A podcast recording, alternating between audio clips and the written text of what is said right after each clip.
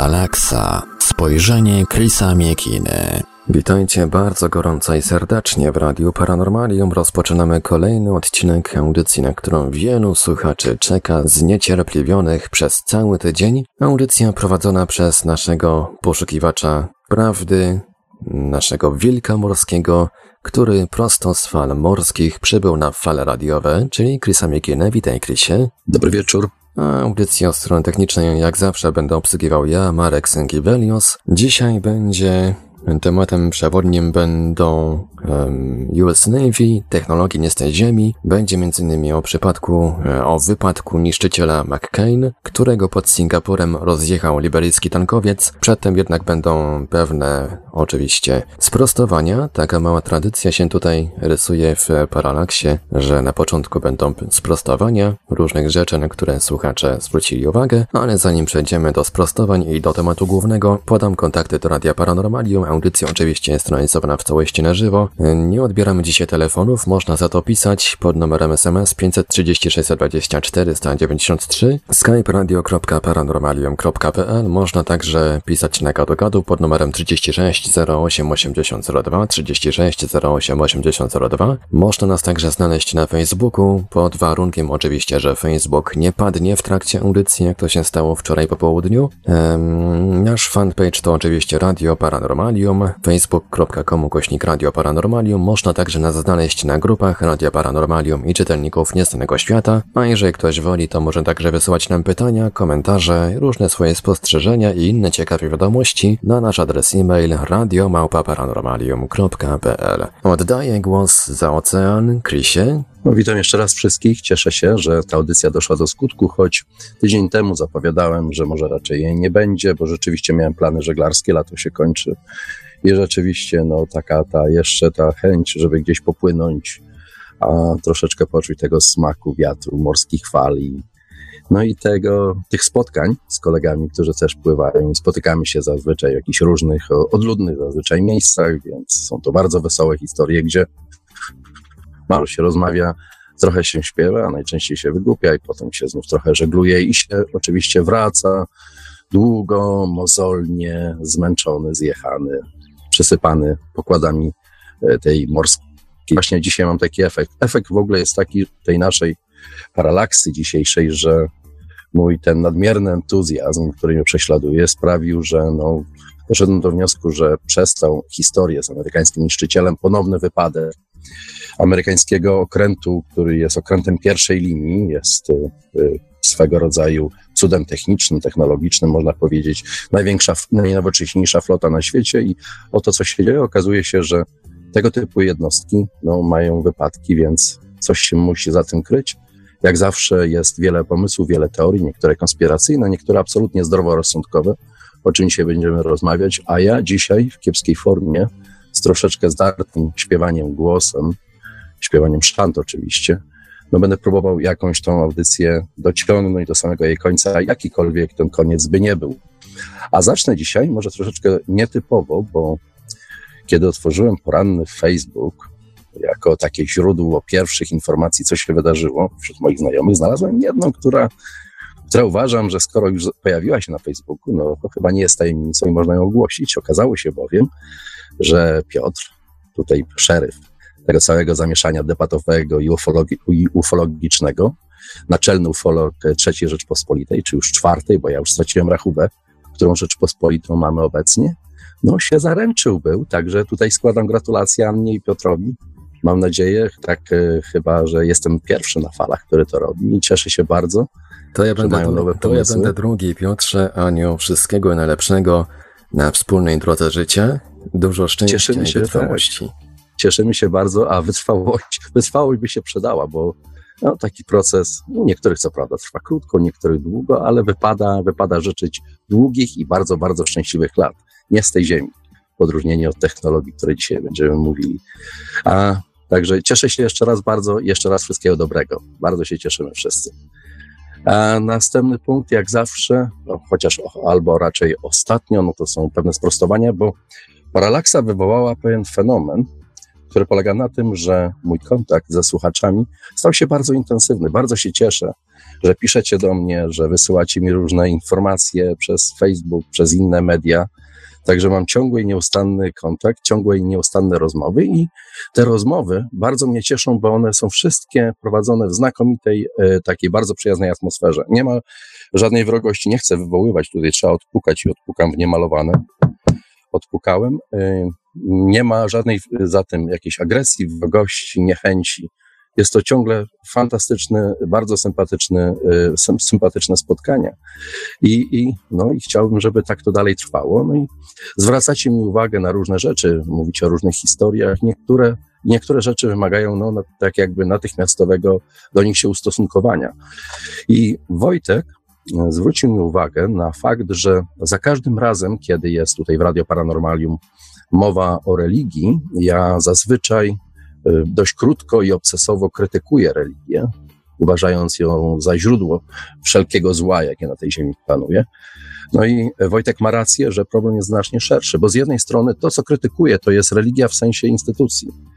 To jest instytucja, która kieruje, steruje naszym życiem, tworzy szereg nakazów, zakazów, tworzy tabu, tworzy całą masę ograniczeń i jest często przyczyną wielu nieszczęść ludzkich, ale religia ma jeszcze jedn, jedną twarz, jedno oblicze, bardzo istotne oblicze. Religia jako, jako pewien system wiary, system wartości, których wyznajemy. Jeżeli ktoś na przykład wyznaje religię, która nazywa się Zen, jeśli ktoś chodzi do kościoła i odmawia różaniec i jest bardzo zaangażowany w, w, wszystkie misteria katolickiego kościoła. Jeżeli ktoś nawet bije pokłony przed meczetem i chce w jakiś sposób dotrzeć do swojego Boga, do jakiegoś absolutu, który jest dla niego ważny i istotny, ponieważ zajmuje olbrzymią część jego ży życia i utrzymuje to życie na powierzchni, do takiego rodzaju religijności ja nie mam, żadnych, nie mam żadnych z tym problemów, wręcz przeciwnie. Uważam, że jest to wspaniała wartość móc y, pobudzić swoje spirytualne życie do takiego etapu, aby móc właśnie zanurzyć się w ten olbrzymi ocean y, wszechmogącego, który nas otacza i dzięki temu móc łatwiej żyć, lepiej współpracować z innymi ludźmi dookoła. Jest to coś wspaniałego i wielkiego. Dopiero instytucja, która usiłuje to wszystko zorganizować i stworzyć ten szereg nakazów, bardzo często doprowadza do nieporozumień, do konfliktów i do wszystkiego, właściwie do zaprzeczenia tego, czym ta religijność powinna być. Dlatego z tego tytułu religijność na religijność i religię trzeba patrzeć właśnie z dwóch stron. Z jednej strony jako instytucja, której nie pochwalam, ale z drugiej strony jako metafizyczny system, który się e, wyznaje, z którym się zgadzam, i w tym sensie religia jest czymś bardzo, bardzo pozytywnym. Religia ma tak wiele wymiarów, że właściwie mm, za każdym razem, kiedy o niej mówimy, będzie ona troszeczkę inaczej odbierana. I religia i takie zacietrzewienie religijne przenosi się praktycznie wszędzie, na każdy obszar niemalże y, naszej wiedzy, naszego życia i, i mamy z nim do czynienia, czy chcemy, czy, czy nie chcemy. I co jakiś czas no, zgłaszam taki wniosek, że bardzo często nauka, ta jaką znamy, nauka oparta na, na akademii, która kontroluje jej przepływ i to, co ma dla, dla akademii wartość, a co nie, no, wpływa na, na życie wielu ludzi, wpływa na nasze codzienne życie, dlatego że ustala, co jest w nim sensowne, a co nie. Ofiarem takiej właśnie walki z religijnie nastawionymi naukowcami padł niedawno Graham Hancock. No, zapewne już wiecie, że Graham poczuł się bardzo, bardzo źle. Był w czasie podróży przez Amerykę, gdzie był w trakcie zbierania informacji do swojej najnowszej książki na temat starożytnej historii Ameryki. Temat y, sam w sobie ogromnie kontrowersyjny, bo przecież w Ameryce nie powinno się nic wydarzyć, zwłaszcza w tej północnej. Nie, powinno, nie powinna istnieć żadna wyrafinowana cywilizacja, nie powinno dziać się tutaj nic, oprócz grupy Indian ścigających bizony i ewentualnie tych pierwszych y, odkrywców z Europy, odkrywców w cudzysłowie, bo to w tej chwili następna kontrowersja, która wybucha, do której być może kiedyś wrócimy w paralaksie. I, i, i właśnie w, w wyniku szeregu tych starć, które widać było na przykład, e, gdy Hancock rozmawiał z Zahi Hałasem, który ostentacyjnie opuścił miejsce debaty z Hancockiem na temat przeszłości starożytnego Egiptu i jak należy na nią patrzeć i jak daleko należy sięgać w tą przeszłość, po chociażby e, debatę zupełnie w innym sensie niż te nasze debaty ufologiczne, rozgrzaną debatę z naukowcami, gdzie wystąpił ramię w ramię z Randalem Carlsonem i jak on sam stwierdza, Hancock stwierdza, że debata ta i szereg y, zjadliwych i negatywnych komentarzy, które w setkach pojawiły się pod tą debatą, prawdopodobnie doprowadziły do tego, że przegnębił się na tyle bardzo, że jego zdrowie na tym bardzo ucierpiało. No i dostał ataku epilepsji, która skończyła się także wylewem krwi do mózgu.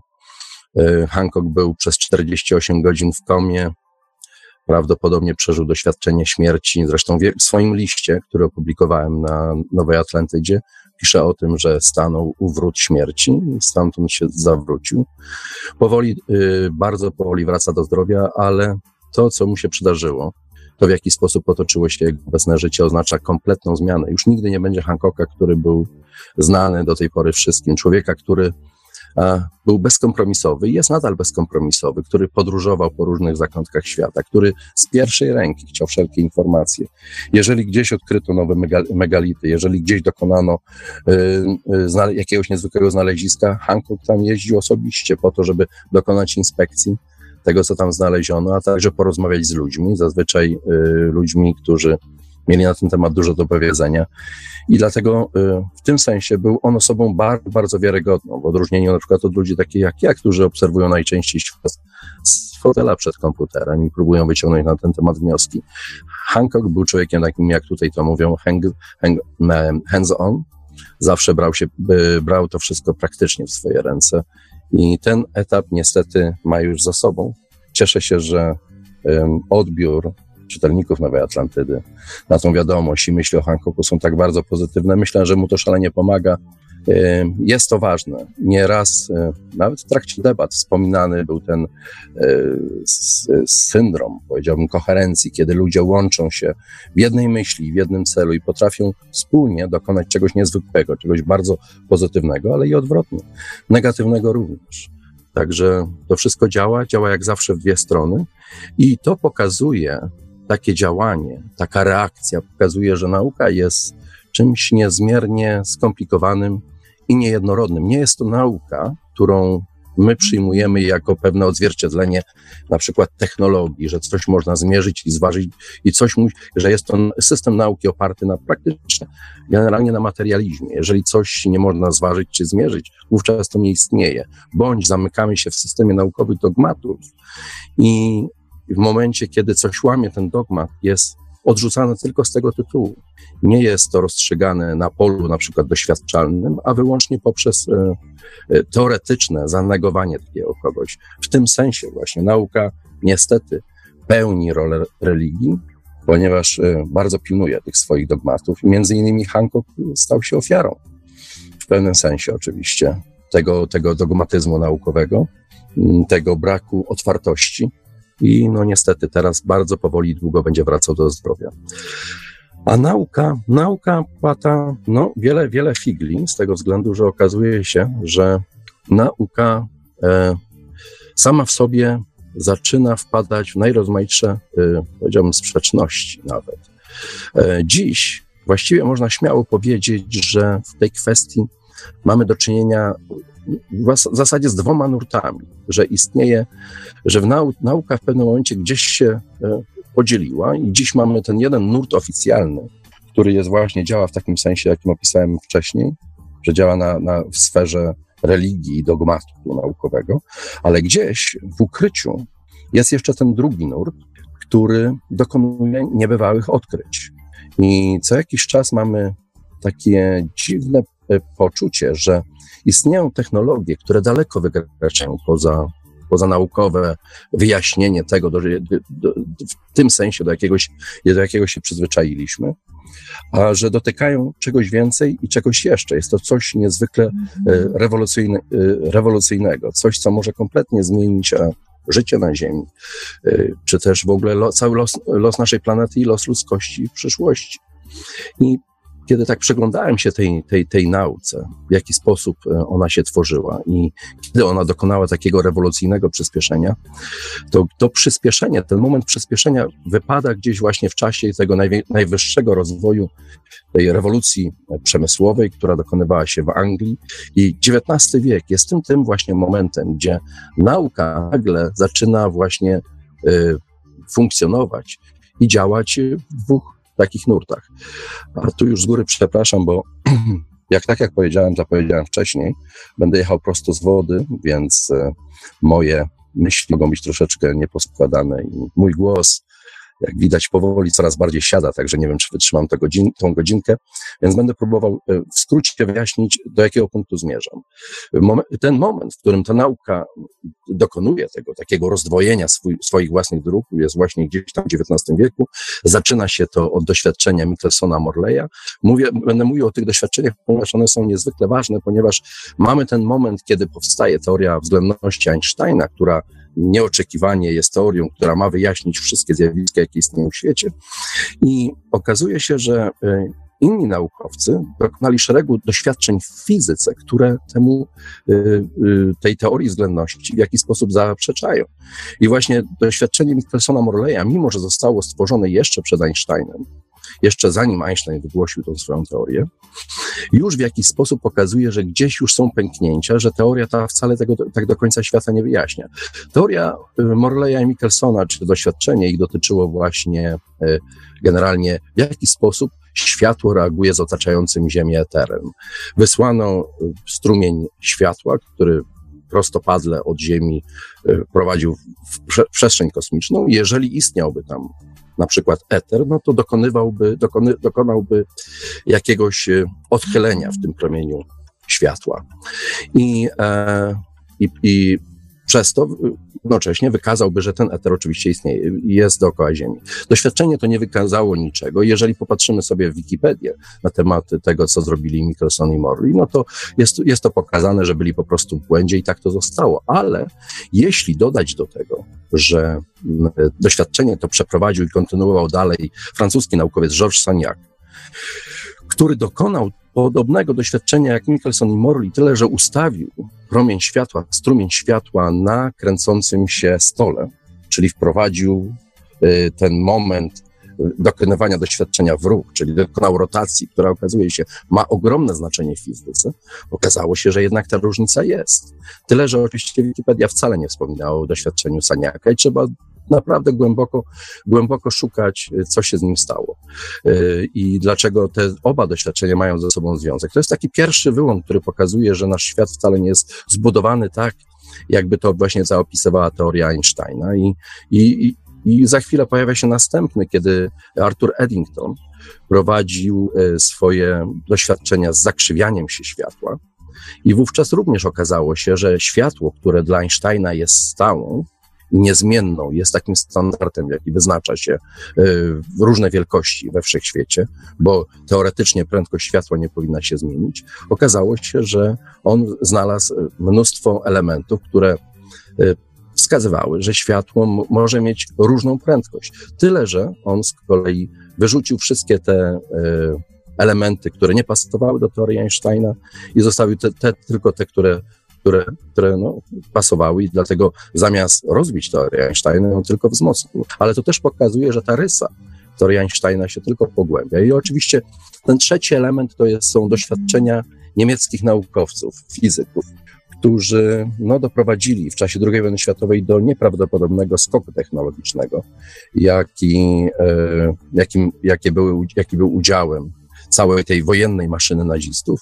Powstało na ten temat wiele legend, ale też widzimy mnóstwo elementów, które potwierdzają to, że Niemcy od szeregu lat prowadzili bardzo wyrafinowane doświadczenia właśnie naukowe, zwłaszcza w kwestii fizyki i matematyki. Dokonali wielu odkryć, które nie się e, z z tym punktem widzenia na świat, jaki dziś jest takim oficjalnym, jest, jest oficjalną teorią, wyjaśniającą, e, w jaki sposób działa wszystko dookoła nas, w jaki sposób działa Ziemia, Wszechświat i cały ten układ e, ra, razem ze sobą. I e, jak się okazuje, ten, e, ten moment tego rozwojenia doprowadził do tego, że ci strażnicy naukowi sami stworzyli system, ażeby już więcej do takich przypadków próby załamania teorii nie dochodziło. I widzimy to na wielu, wielu przypadkach, chociażby na przykład na przykładzie Kozyriewa, który który odkrył na przykład, że, że kierunek przyczynowości, na przykład w określonych warunkach mechaniki kwantowej, może mieć swój początek w przyszłości, i podążać w przeszłość. No jest to z punktu widzenia nauki absolutna herezja, przynajmniej w tamtych czasach.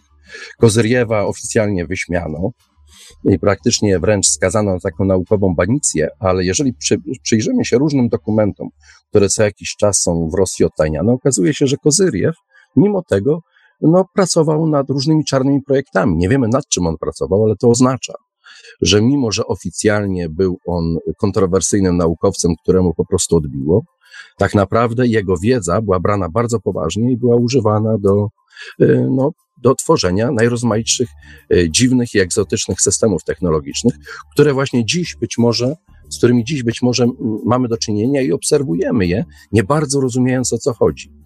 Taką, takim pierwszym rąbkiem e, tajemnicy tego, że e, fizyka działa inaczej niż, e, niż by to chciała oficjalna wersja, jest między innymi informacja na temat tego EM Drive, czyli dziwnego silnika z napędem elektromagnetycznym, którego przecieki o jego, budowa, o jego budowie w NASA dotarły do, do, no, do, do właściwie do wszystkich.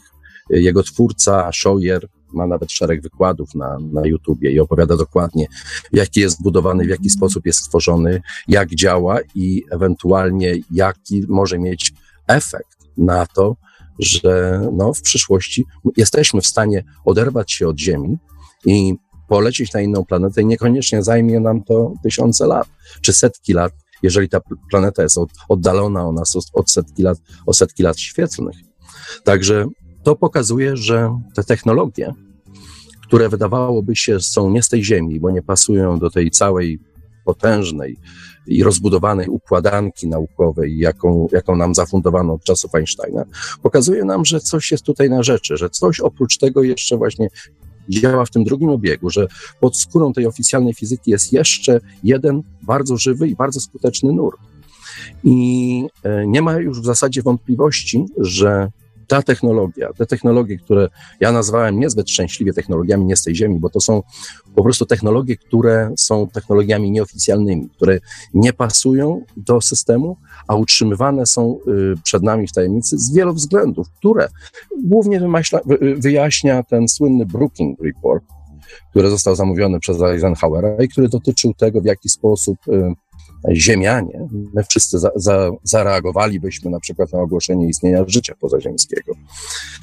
I ponieważ naukowcy, ten think tank z Brookings nie, nie uznali, że jesteśmy na to przygotowani, no to wszystko powstrzymuje tych możnych tego świata przed generalnie pokazywaniem nam tego typu technologii, czy przed wprowadzaniem takich technologii do użytku. Z, wielu względów dają one zbyt dużo wolności, każą zmienić kompletnie sposób życia na Ziemi. Są, są całą ogromną ilość konsekwencji. Naukowcy doszli do wniosku, że że może nie jesteśmy na coś takiego gotowi. My jesteśmy z tego powodu sfrustrowani, że uważamy, że jesteśmy gotowi, ale bardzo często w debatach naszych ufologicznych e, mówiliśmy o tym, że e, niesie to ze sobą rzeczywiście wiele konsekwencji. I e, i, e, no, I te konsekwencje z nimi się po prostu trzeba liczyć. Że czasami samo stwierdzenie, że jestem gotów na to, żeby zaakceptować cywilizację pozaziemską kogoś z innej przestrzeni, z, innego, z innej planety, czy, czy coś w tym rodzaju, no, okazuje się mieć tyle implikacji, że y, czasami może mieć to nie, kompletnie nieobliczalne zakończenie. No i teraz dochodzimy właśnie do, tej, do tego punktu, w którym następują te kolizje tych amerykańskich niszczycieli. Było ich więcej niż dwie, bo w ostatnim czasie była ta kolizja niszczyciela Fitzgerald, obecnie była niszczyciela McCain. Oba niszczyciele są y, doskonale wyposażone elektronicznie, są świetnie uzbrojone. Jest to pierwsza linia obrony i ataku US Navy, także nie ma tutaj możliwości, żeby y, coś na tych okrętach zadziałało nie w taki sposób, jaki zaplanowano, a już szczególnie, żeby doszło do tak po prostu byle jakiego wypadku, jak, jaki, miał, jaki miał miejsce. Okręty tego typu, które posiadają wiele systemów radarowych, yy, które posiadają systemy, które po, po, pozwalają im na prowadzenie walkę ze stu celami naraz, nagle okazuje się, że nie są w stanie zauważyć statku handlowego, który podąża w ich kierunku i no i precyzyjnie uderza w newralgiczną część okrętu. Jest to coś niezmiernie, niezmiernie dziwnego. Mnie to ogromnie zaskoczyło. Zdziwiło mnie tylko to, że zostało to tak szybko w zasadzie przez media ominięte i właściwie skazane na zapomnienie, mimo że dokładnie to, co się wydarzyło na morzu, gdy doszło do tych wypadków, pokazuje, że właśnie taka technologia, o której tutaj wspominam, dlatego wspominam o tych wszystkich doświadczeniach, które wskazują na to, że fizyka może mieć zupełnie inny wymiar niż ten, których nam, który nam się przekazuje i uczy się nas w książkach do fizyki i jest promowany przez oficjalną nau naukę, pokazuje, że fizyka może mieć inny wymiar i może dotyczyć jakiegoś kompletnie innego efektu. I, I w przypadku tych niszczycieli, ja wspomniałem, że było tych wypadków więcej, bo na początku roku jeszcze jeden amerykański niszczyciel z niewiadomych przyczyn wyrzucił się po prostu na skały. Jego nawigacja nie zadziałała, a w maju tego roku doszło do kolizji amerykańskiego niszczyciela z koreańskim statkiem rybackim. Także mamy całą serię bardzo dziwacznych wydarzeń, które bardzo trudno jest zrozumieć ze względu na to, że wypasione technologiami okręty powinny wystarczającą ilość środków do tego, żeby móc, móc zareagować. Oprócz tego dochodzi jeszcze ten czynnik ludzki, który jest tutaj strasznie ważny, ponieważ no, troszkę żegluję, mam też kontakt z ludźmi, którzy żeglują albo pływają na dużych i poważnych statkach, niekiedy nawet i, i y, wojskowych, więc y, troszeczkę wiem na temat różnych rutyn, jakie panują na okrętach i i nie ma takiej możliwości, żeby wszyscy zaspali, czy wszyscy po prostu spotkali się w kubryku i śpiewali sobie szanty i zapomnieli, co się dookoła nich dzieje. E, zwłaszcza, że żeglują po regionie, który jest bardzo mocno uczęszczany przez cały ruch ten żeglugowy. Idą tam trasy tych tankowców, frachtowców. Tysiące statków zmieniają swoją pozycję, więc zawsze ktoś musi być e, na mostku. Nie może to być jedna osoba, jest to szereg osób. Oprócz tego, że jest e, elektroniczne sprawdzanie otoczenia, oprócz tego jest jeszcze ten czynnik ludzki. Mają lornetki, mają przecież e, najrozmaitsze urządzenia, które pozwalają im widzieć w nocy. I można taki zbliżający się statek dostrzec, jednocześnie na podstawie własnego morskiego doświadczenia, że może dojść do kolizji, że sytuacja jest niebezpieczna i należy zareagować, czyli zmienić kurs albo spróbować powiadomić ten drugi statek, że, żeby on zmienił kurs. Także jest szereg manewrów, które można wykonać, ażeby takiej y, kraksy uniknąć. Jak, jak pokazuje praktyk, coś takiego nie doszło co jest ogromnie, ogromnie zaskakujące. I z analizy tych wszystkich śladów, jakie były na okrętach, mówiłem o tym wcześniej, wynika, że amerykańskie okręty po prostu stały na wodzie, bez ruchu, i były takim nieruchomym, właściwie łatwym do trafienia celem. Choć wbrew pozorom, na wodzie wcale nie jest tak łatwo wjechać w coś.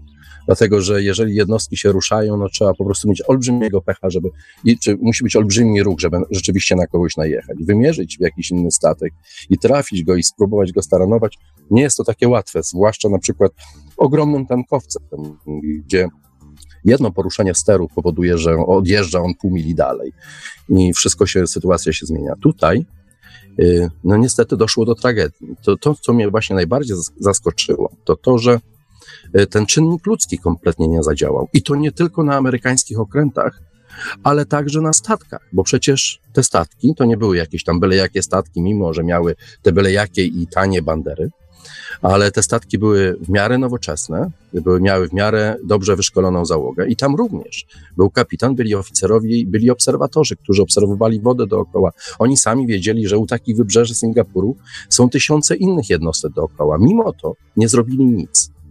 Więc powstaje tutaj bardzo tajemnicza i dziwaczna historia, że nie tylko został zatrzymany okręt w sensie technologicznym, że wyłączona została jego elektronika, jego silnik, jego radary, jego systemy namierzania i nawigacji, ale został także wyłączony czynnik ludzki. W jakiś sposób, bardzo tajemniczy sposób, bo ludzie nie zareagowali ani na jednym, ani na drugim okręcie. Dodatkowo jeszcze, jeśli przyjrzeć się temu, co się stało z ludźmi, którzy zginęli na amerykańskich niszczycielach, to oni utonęli. Oni po prostu utonęli. Czyli to oznacza, że na okręcie nie włączono alarmu i że w trakcie tego, co, kiedy te, te oba statki zbliżały się i wiadomo było, że już nie uniknie się zderzenia, nikt nawet nie próbował tych ludzi obudzić, że prawdopodobnie spali nawet w momencie, kiedy to uderzenie nastąpiło, zderzenie nastąpiło. I utonęli wręcz we śnie, czyli byli wręcz pogrążeni w jakimś letargu.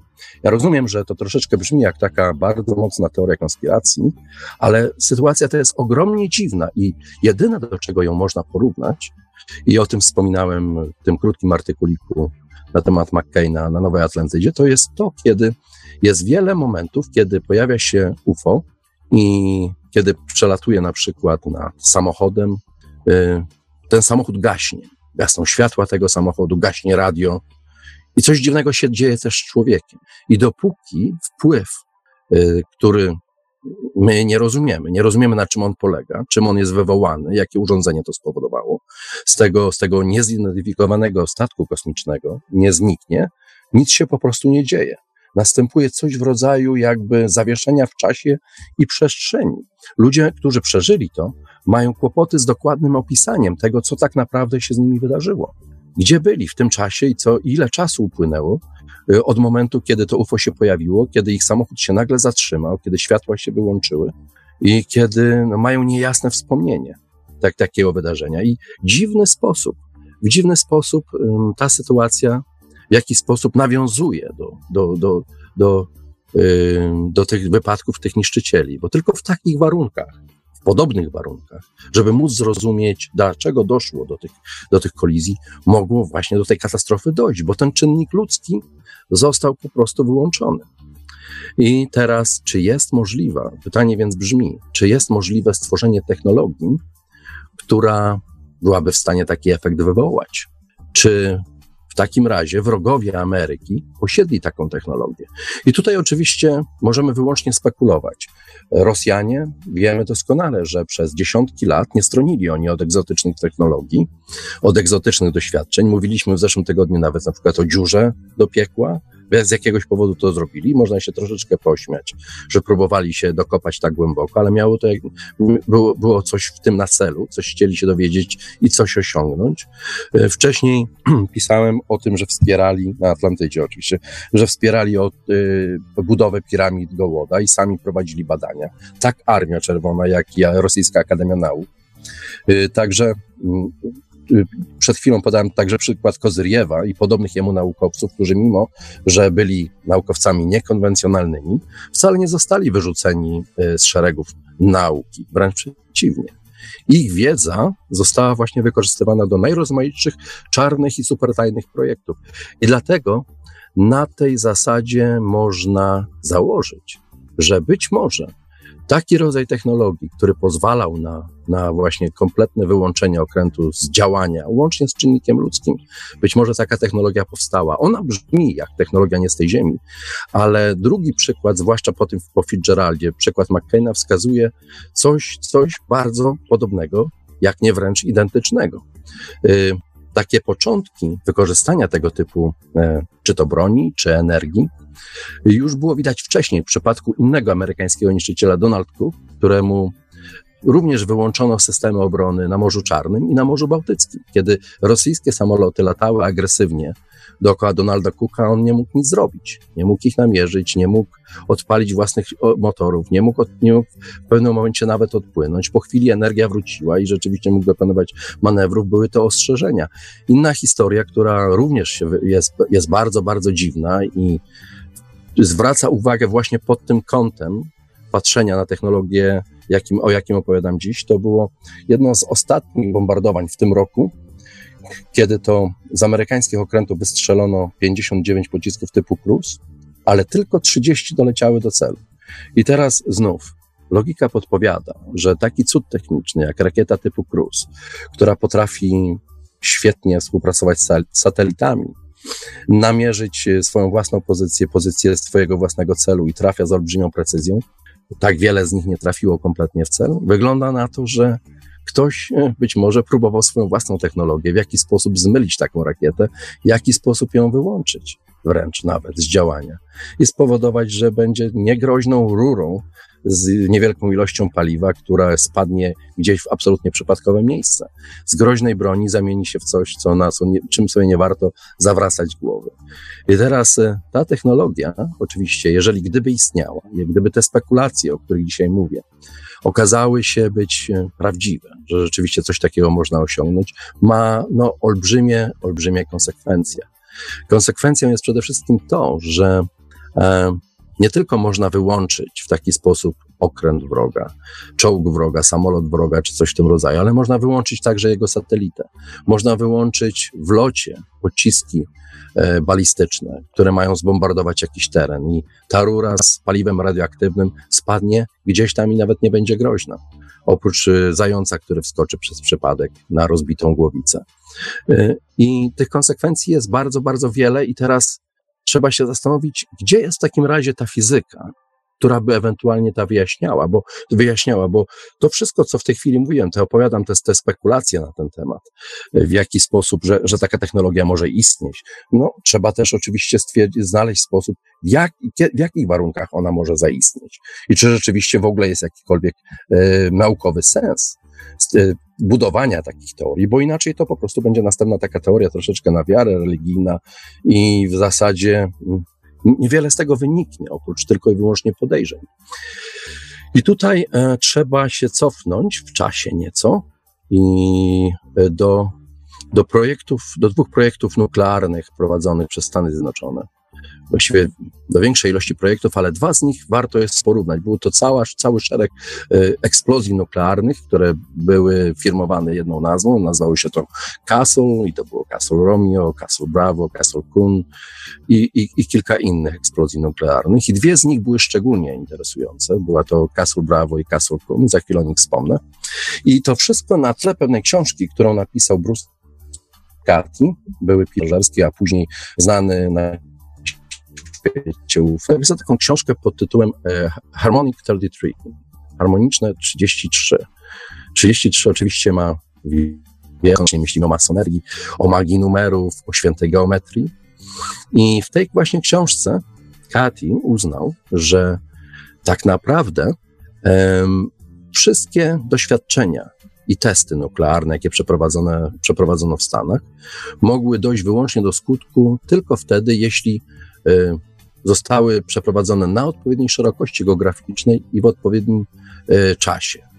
I on uznał, że w innym przypadku tak naprawdę odpalenie bomby atomowej jest niemożliwe, w związku z czym w ogóle globalna wojna atomowa jest, jest niemożliwa. I e, oczywiście powiedział to z punktu widzenia wyłącznie teoretyka, na podstawie najrozmaitszych informacji, do których każdy ma dostęp, jeżeli dobrze, dobrze poszuka. Y, I być może, jeśli, nawet jeśli nie do końca się z tym zgodzimy, no to ma, jest to bardzo interesujący pomysł, który ma właśnie bardzo, bardzo interesujący związek z tymi doświadczeniami nuklear, nuklearnymi, testami nuklearnymi, o których, y, o których właśnie wspomniałem.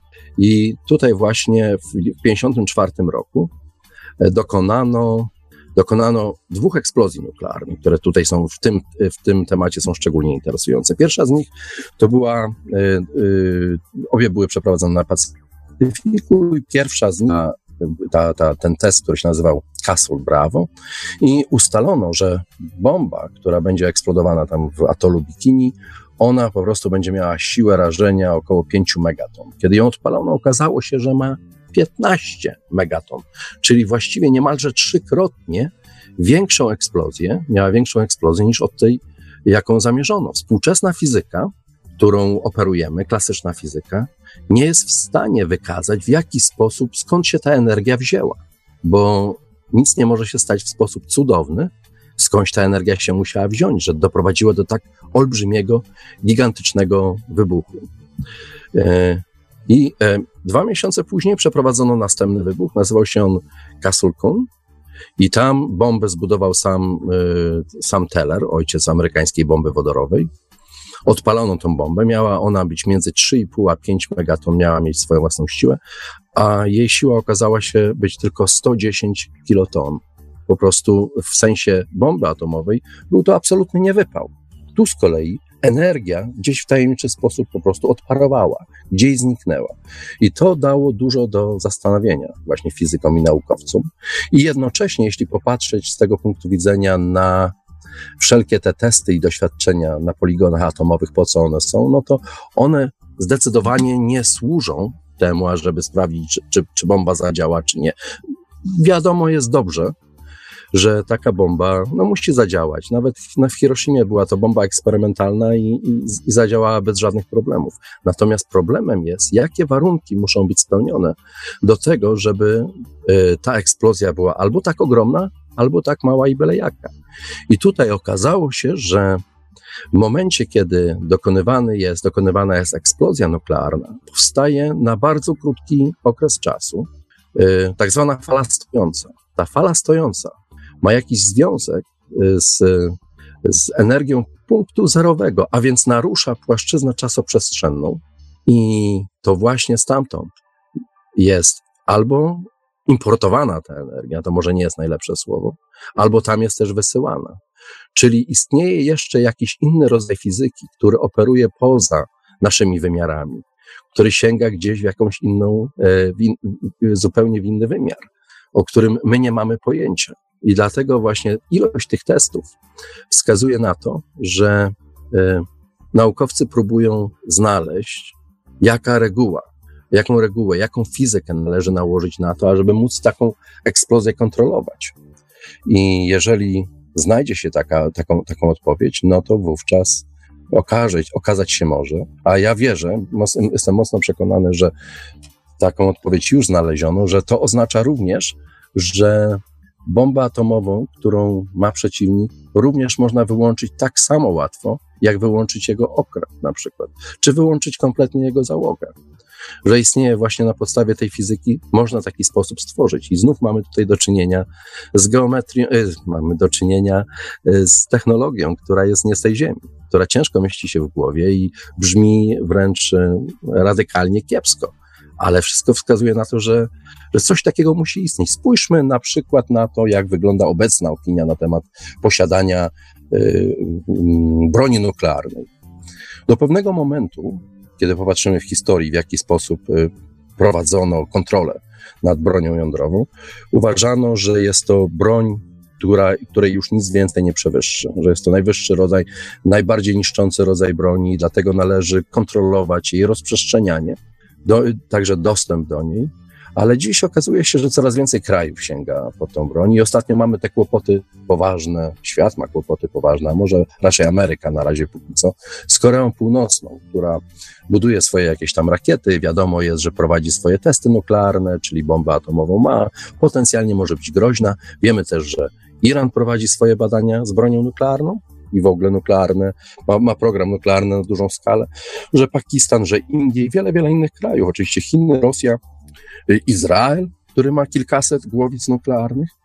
I jakoś, jakoś świat się tym za bardzo nie przejmuje. Nie ma jakiegoś takiego y, uczucia paniki, że jest to rzeczywiście coś na tyle groźnego, że należy coś z tym natychmiast zrobić. To jest jedna rzecz. A druga rzecz, która mnie troszeczkę zaskoczyła, to jest to, że y, cała historia z Fukushimą w jakiś sposób rozpłynęła się, wręcz y, zniknęła kompletnie z radaru gazet, mediów, y, internetu wręcz. Mało kto już o tym mówi. Y, wiemy, że była tam katastrofa, bardzo poważna katastrofa elektrowni atomowej. Wszyscy oczekiwali, że będą tysiące ofiar choroby popromiennej, tymczasem nic się nie dzieje. Nie słyszymy o tysiącach ofiar wśród Japończyków, o masowych pogrzebach, o, o tym, że, że no, że ta choroba popromienna zaczyna zbierać swoje potężne żniwo. Minęło już kilka lat od tamtych wypadków i wydaje się być, że ta cała sytuacja w jakiś sposób jest opanowana. Nie wiemy do końca w jaki sposób i czy jest taka możliwość, ponieważ znów ta oficjalna fizyka, od której zacząłem, mówi o tym, że no pewnych rzeczy się nie da przeskoczyć, że jeżeli na przykład czas rozpadu pierwiastka radioaktywnego zabiera miliony, jak nie miliardy lat, to się tego nie da przeskoczyć, że to będzie po prostu y, pustynia nuklearna na, na, no, na właśnie na miliony lat. Nic się nie da zrobić. Tymczasem okazuje się, i to są też takie właśnie przebłyski tych, tych y, bardzo interesujących, a bliżej nieznanych technologii, że można to skrócić. W 1995 roku w programie Good Morning America pokazano naukowca o nazwisku Peterson, który nagle zaczął w studiu pokazywać jakieś fragmenty materiału radioaktywnego. Wszystkim tych bardzo zaskoczył. Zaczął opowiadać e, jakąś historię na temat fuzji jądrowej i, i tego, że fuzja jądrowa, jej obecność przy na przykład skażeniu radioaktywnym powoduje, że następuje radykalne skrócenie rozpadu takiego materiału. I w myśl jego tego, tej teorii, która później szybko gdzieś zniknęła i z telewizji, i nawet z internetu, jeszcze tu i gdzie można tą audycję gdzieś spotkać w internecie, to się minut, czyli praktycznie wyeliminować jakiekolwiek potworne i te y, dalekosiężne problemy, jakie niesie ze sobą skażenie radioaktywne. O czymś takim, o takiej teorii właśnie melioracji takiego skażenia radioaktywnego mówi też, mówią też takie różne doniesienia prasowe y, z Izraela, gdzie podobno tamtejsi naukowcy znaleźli sposób, w jaki można na przykład wyeliminować y, ten, ten, ten radioaktywny efekt promieniowania z organizmu ludzkiego. Jest to wszystko niezwykle interesujące i to pokazuje właśnie, że jeszcze raz, że świat, który, który opisuje fizyka, być może ma jeszcze kilka innych aspektów, które mogą doprowadzić do stworzenia technologii, które dziś wydają się być nie z tej Ziemi, ale które być może w przyszłości będą miały olbrzymie konsekwencje dla świata. Tak dobre, ale jednocześnie równie dobrze mogą pójść, pójść to w złą stronę. Ja jestem optymistą, więc wierzę, że to wszystko idzie, idzie w dobrą stronę. A cała ta historia z tym myśleniem na temat tego, czym jest rozszczepienie atomu, czym jest energia atomowa, jest, zaczyna się tak naprawdę właśnie w tych czasach niemieckich, dlatego y, przed wojną i w czasie wojny, w czasie II wojny światowej. Dlatego ja tak uporczywie w tych wszystkich moich tematach wracam do tych wstrętnych nazistów, którzy zostali prze, mm, przejęci później przez Amerykanów w, w ramach tej operacji Paperclip i no i Czasami wygłaszam teorię, że nie wiadomo, kto tu kogo przejął, czy Amerykanie przyjęli ich, czy oni przyjęli Amerykę, dlatego że y, jeśli popatrzeć na ich rolę, jaki, jaką odegrali w historii tworzenia nowych technologii, jaką odegrali w tworzeniu Ameryki tak, taką, takim krajem, jakim jest dzisiaj, to, no to widać, że ich działanie jest niezwykle przemyślane, jest dalekosiężne i jednocześnie niezwykle pasuje do takiego terminu, do, do, o którym za jakiś czas mówimy w debatach ufologicznych, który się nazywa odrywającą cywilizacją. Odrywająca cywilizacja powstaje wówczas, kiedy istnieje grupa, która posiada y, wiedzę y, i technologię znacznie wyższą i znacznie lepszą od całego y, społeczeństwa, w którym żyje. I wiedza ta, zamieniona, pomnożona przez czas i przez ilość inwestycji, jakie dokonuje się w tym kierunku, sprawia, że w sposób naturalny powstaje coś, co się nazywa właśnie odrywająca cywilizacja, która zaczyna żyć tak naprawdę własnym życiem, która zostawia wszystkich daleko, y, mówiąc kolokwialnie, w tyle wręcz, oczywiście dosłownie, i y, ma swoje własne plany, które realizuje kosztem innych. I kiedy, kiedy mówimy o tych, tej roli tych Niemców, którą niektórzy mówią, że ich, się, ich rolę się przecenia, że wcale nie byli tak dobrzy, nie mieli taką, y, takiej wiedzy, no to same doświadczenia ich, jakie, jakie dokonali jeszcze y, po II wojnie światowej, jeszcze w Argentynie, gdzie wielu z nich się ukrywało, wskazują, że coś jest na rzeczy. I tutaj cała historia zaczyna się od pewnego naukowca, który się nazywa Ronald Richter. I był to jedyny y, mm, wysoko postawiony, czyli jeden z elity naukowej wśród mm, Niemców, który nie został przejęty ani przez Rosjan, ani przez Amerykanów. Pracował on w cudzysłowie niezależnie dla Juana Perona i tworzył jakieś tam swoje doświadczenia i pewnie zniknąłby gdzieś tam pod tym radarem, gdyby nie ogłoszono w Argentynie, że Argentyna jest na progu posiadania bomby wodorowej. Był rok 51, Amerykanie swoją bombę wodorową dopiero mieli kilka miesięcy później, natomiast ni stąd, ni zowąd kraj o niewielkim znaczeniu, jak Argentyna, ogłasza, że, że coś takiego jest w stanie mieć w swoim posiadaniu. Oczywiście wywołało to gigantyczne zamieszanie w świecie. E, US Air Force wysłało swoich y, ludzi do Argentyny, żeby porozmawiali z Richterem. I wiemy o tym stąd, że mm, zupełnie niedawno odtajniono szereg materiałów z tej operacji Paperclip. I dzięki temu mamy właśnie całą dokumentację, o czym były te rozmowy z Richterem, czego one dotyczyły i e, w jaki sposób Ameryka traktowała doświadczenia Richtera. E, okazało się, że początkowo e, Richtera potraktowano niepoważnie. Potraktowano jako oszusta, jako szarlatana, jako kogoś, kto nie był w stanie stworzyć coś takiego, że jest tylko i wyłącznie fantastą. Doprowadzili nawet do tego, że wybuchł swego rodzaju naukowy skandal i Peron się bardzo zdenerwował y, z tego powodu. Powołał specjalną komisję z doktorem Jose Balcero na czele, która przesłuchiwała Richtera właśnie w tej, w tej sprawie, czy rzeczywiście w końcu jak to jest z tą bombą wodorową, czy w Argentynie rzeczywiście dokonano takich doświadczeń i Argentyna jest w posiadaniu takiej technologii, czy też nie jest. No i okazało się, że, że mimo takiego potraktowania go jako szarlatana, okazało się, że US Air Force bardzo intensywnie zaczęło rozmowy z Richterem na właśnie tematy naukowe. Okazało się, że właśnie, że to jego doświadcze, jego doświadczenia, które prowadził y, z rozszczepieniem atomu, ale jednocześnie y, w takim sensie, że jego fuzja, w odróżnieniu od fuzji, jaką stosowano w bombach atomowych, była fuzją o wiele chłodniejszą, zachodziła w znacznie niższej temperaturze i była tym, czym my, co my dzisiaj nazywamy zimną fuzją.